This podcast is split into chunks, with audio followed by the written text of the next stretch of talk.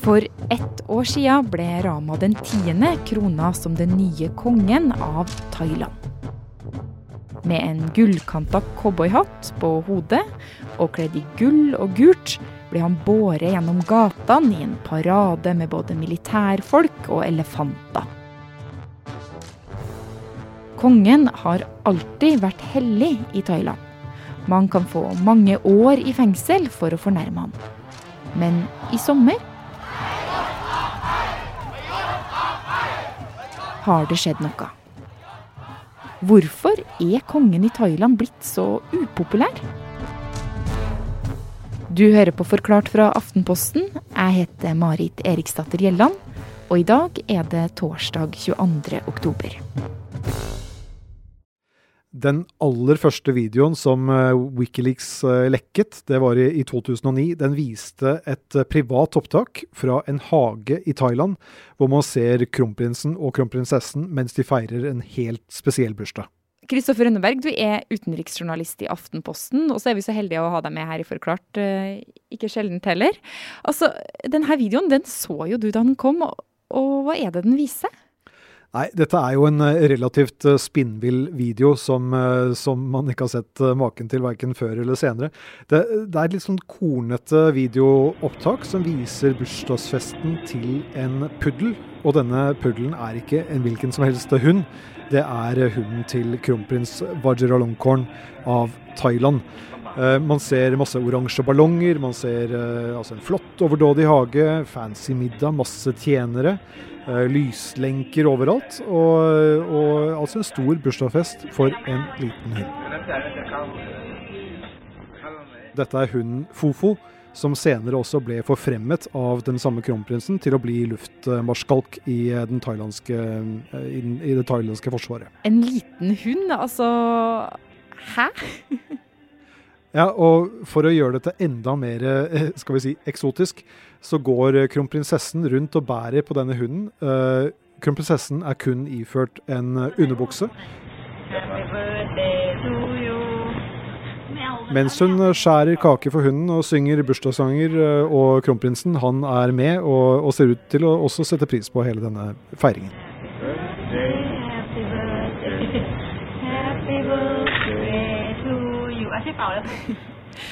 Men du, siden det her da, så har kronprins Vajiralongkorn han, han har blitt kong Maha Vajiralongkorn.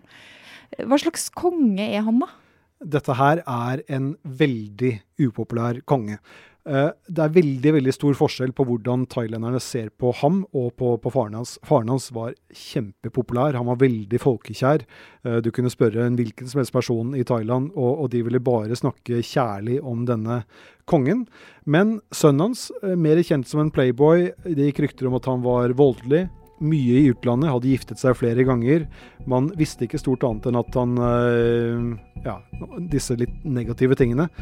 Og som regel nå, når man ser ham, så er han stivpyntet. Øh, man ser ham omgitt av tjenere, man ser ham i omgivelser som er preget av gull og stas. Uh, og så er det ikke så ofte man ser ham. Fordi stort sett så er han fortsatt i utlandet, akkurat som han var da han var, han var kronprins. Han sitter på et luksushotell i, i, de tyske alpene sammen med hoffet sitt og et stort antall elskerinner.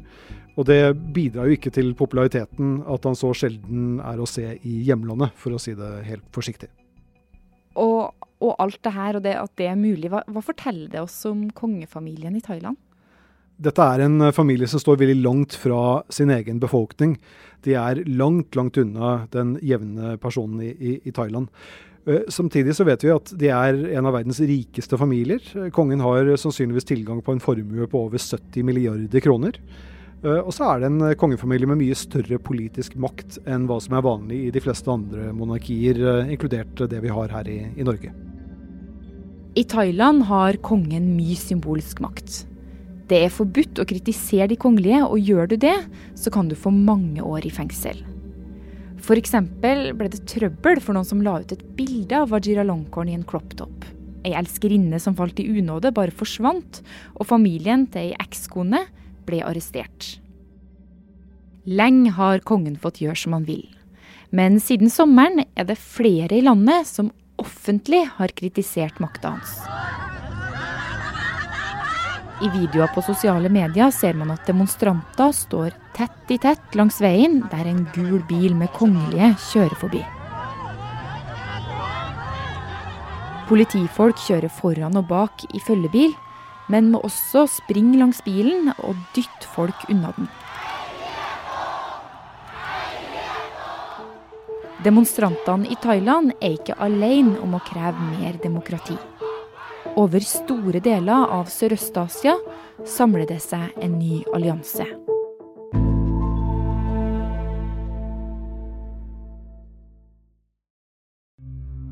Thailand er et land som er vant med uro.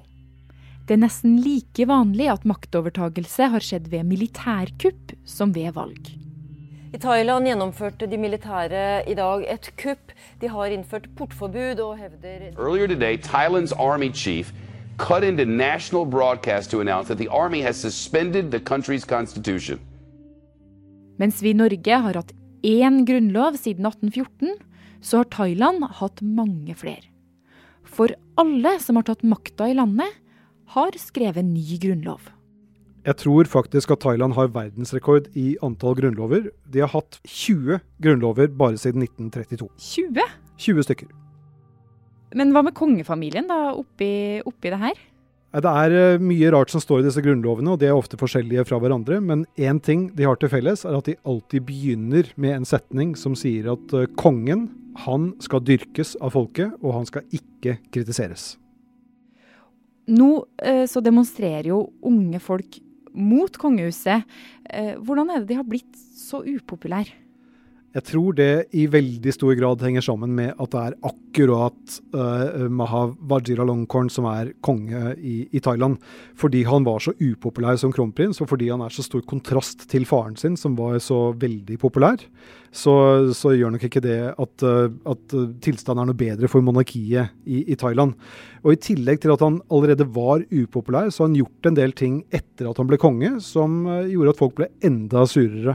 Bl.a. så har han eh, tatt grep for å øke sin egen makt, og han har også tatt kontroll over det som tidligere var statlige kontrollerte midler i, eh, i den kongelige formuen. Så han har tatt penger fra staten? Ja, det han har gjort, er at han har tatt uh, si eiendommer og andre ting som tilhørte kongehuset i en, uh, i en, litt bredere forstand, at det var staten som, som styrte det. Det er det nå han personlig som har full kontroll over.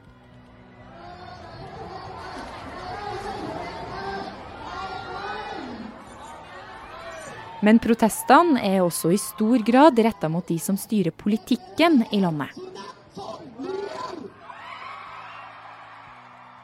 Regjeringa i Thailand blir leda av en tidligere general som tok makta med et militærkupp i 2014. Og det å ta makten ved statskupp er som regel ikke den beste måten å bli superpopulær på i, i, et land. Men han lovet å gjennomføre valg ganske tidlig, eh, og så brøt han det løftet gang på gang på gang. Men til slutt, i 2019, så holdt han et valg. Han gjorde det på en måte som ble ansett for å være verken fritt eller rettferdig. Og han sørget også for at han endte opp som eh, statsminister også etter valget, denne gangen som leder for en, for en koalisjon. Og det at eh, prosessen var så lite mm, åpen og så lite rettferdig, det gjorde at mange thailendere ble, spesielt unge thailendere, ble ganske sure.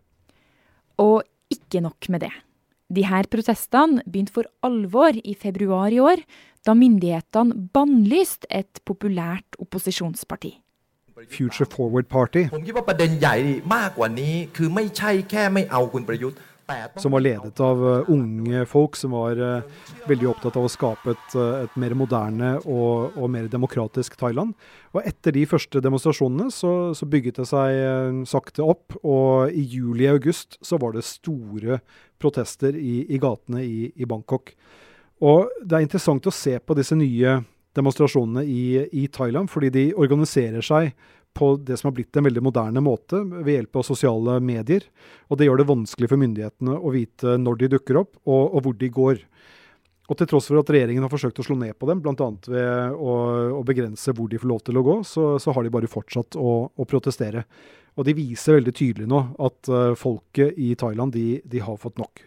Og Kristoffer, hva er det demonstrantene ønsker? Vi ser ofte bilder av demonstrantene at de holder tre fingre i været som en slags uh, salutt. Og dette er en håndbevegelse som de har hentet fra Hunger Games-filmene.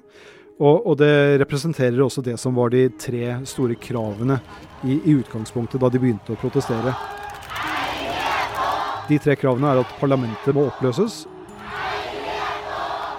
At myndighetene må slutte å det de sier, trakassere folk. Og at grunnloven må, må omskrives.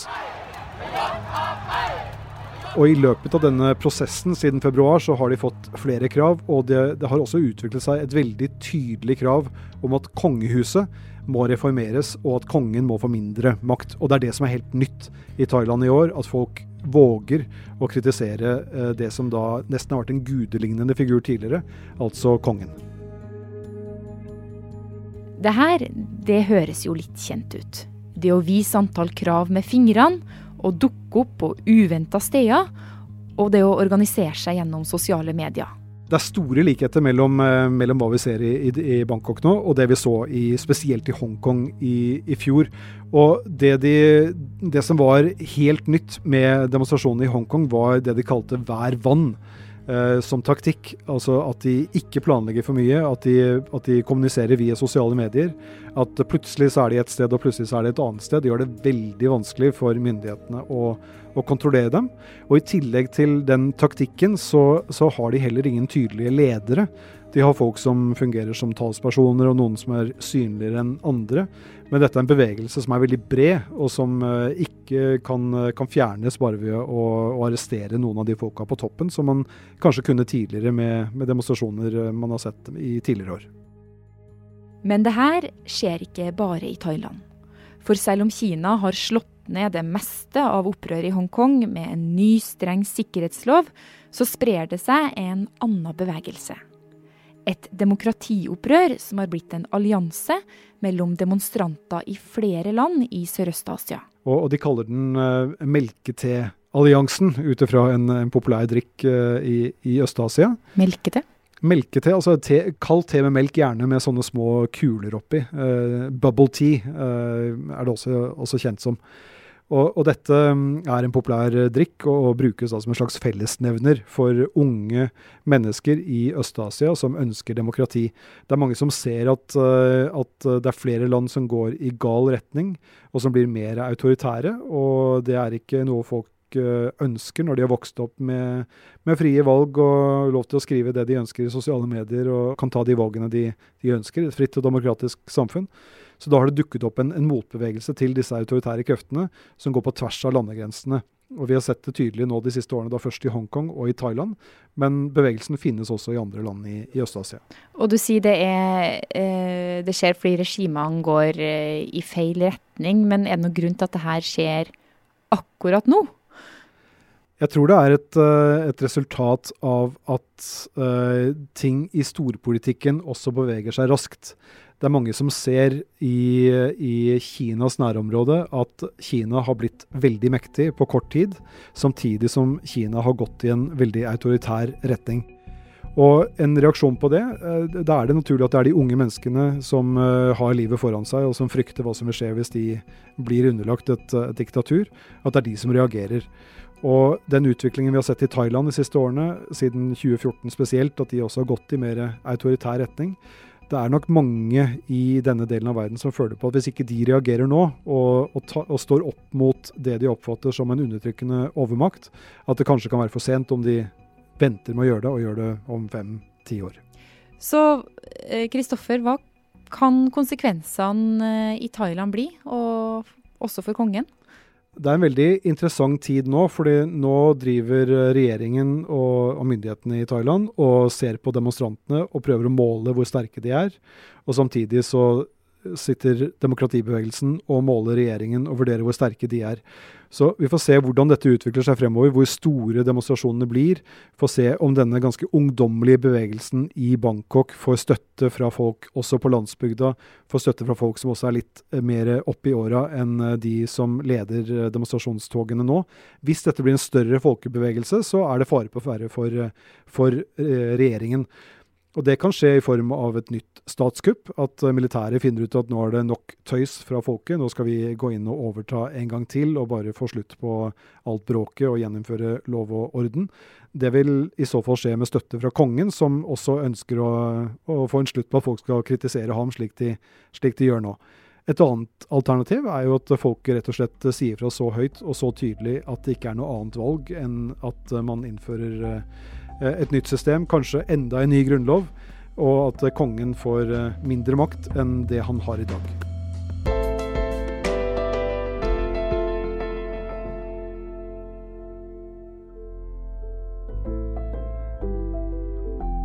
Denne episoden er laga av produsent Anne Lindholm og meg, Marit Eriksdatter Gjelland. Resten av Forklart er Caroline Fossland, Andreas Bakkefoss og Fride Næss Nonstad. Du har hørt lyd fra Fox News, nyhetsbyrået AP, NRK og Future Forward.